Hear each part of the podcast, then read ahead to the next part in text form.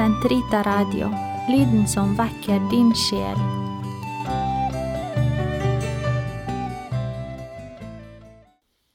Den katolske kirkes katekisme, uke 21, lørdag. Paragraf 2041 til 2043. Kirkens bud. Kirkens bud står i forlengelsen av et moralliv knyttet til det liturgiske liv, og næres av det. Det preg av forpliktelse disse lovene har, utstedt som de er av de pastorale myndigheter, har som mål å sikre de troende det nødvendige minstemål av bønn og moralsk handlekraft og av vekst i kjærlighet til Gud og nesten. Det første bud På søndager skal du høre messe, og på festdager likeledes krever at de troende skal ta del i feiringen av eukaristien der hvor den kristne menighet kommer sammen, på dagen til minne om Herrens oppstandelse.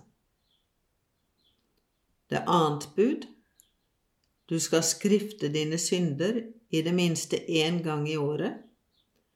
Ivaretar forberedelsen til eukaristien ved å ta imot forsoningens sakrament, som fortsetter dåpens virke til omvendelse og tilgivelse. Det tredje bud din skaper skal du motta ydmykt, i det minste til påske. Sikrer et minstemål i mottagelsen av Herrens legeme og blod i forbindelse med påskefesten. Den kristne liturgis opphav og midtpunkt. Det fjerde bud Du skal helligholde påbudte festdager utfyller overholdelsen av søndagen ved å foreskrive deltakelse i de større liturgiske festene, til ære for Herrens mysterier, Jomfru Maria og helgenene.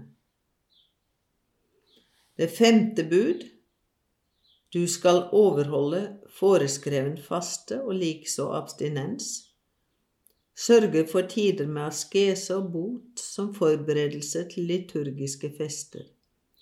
De bidrar til å få oss til å tøyle våre instinkter og oppnå hjertets frihet. I tillegg er de troende forpliktet til, etter evne, å bidra til Kirkens materielle behov.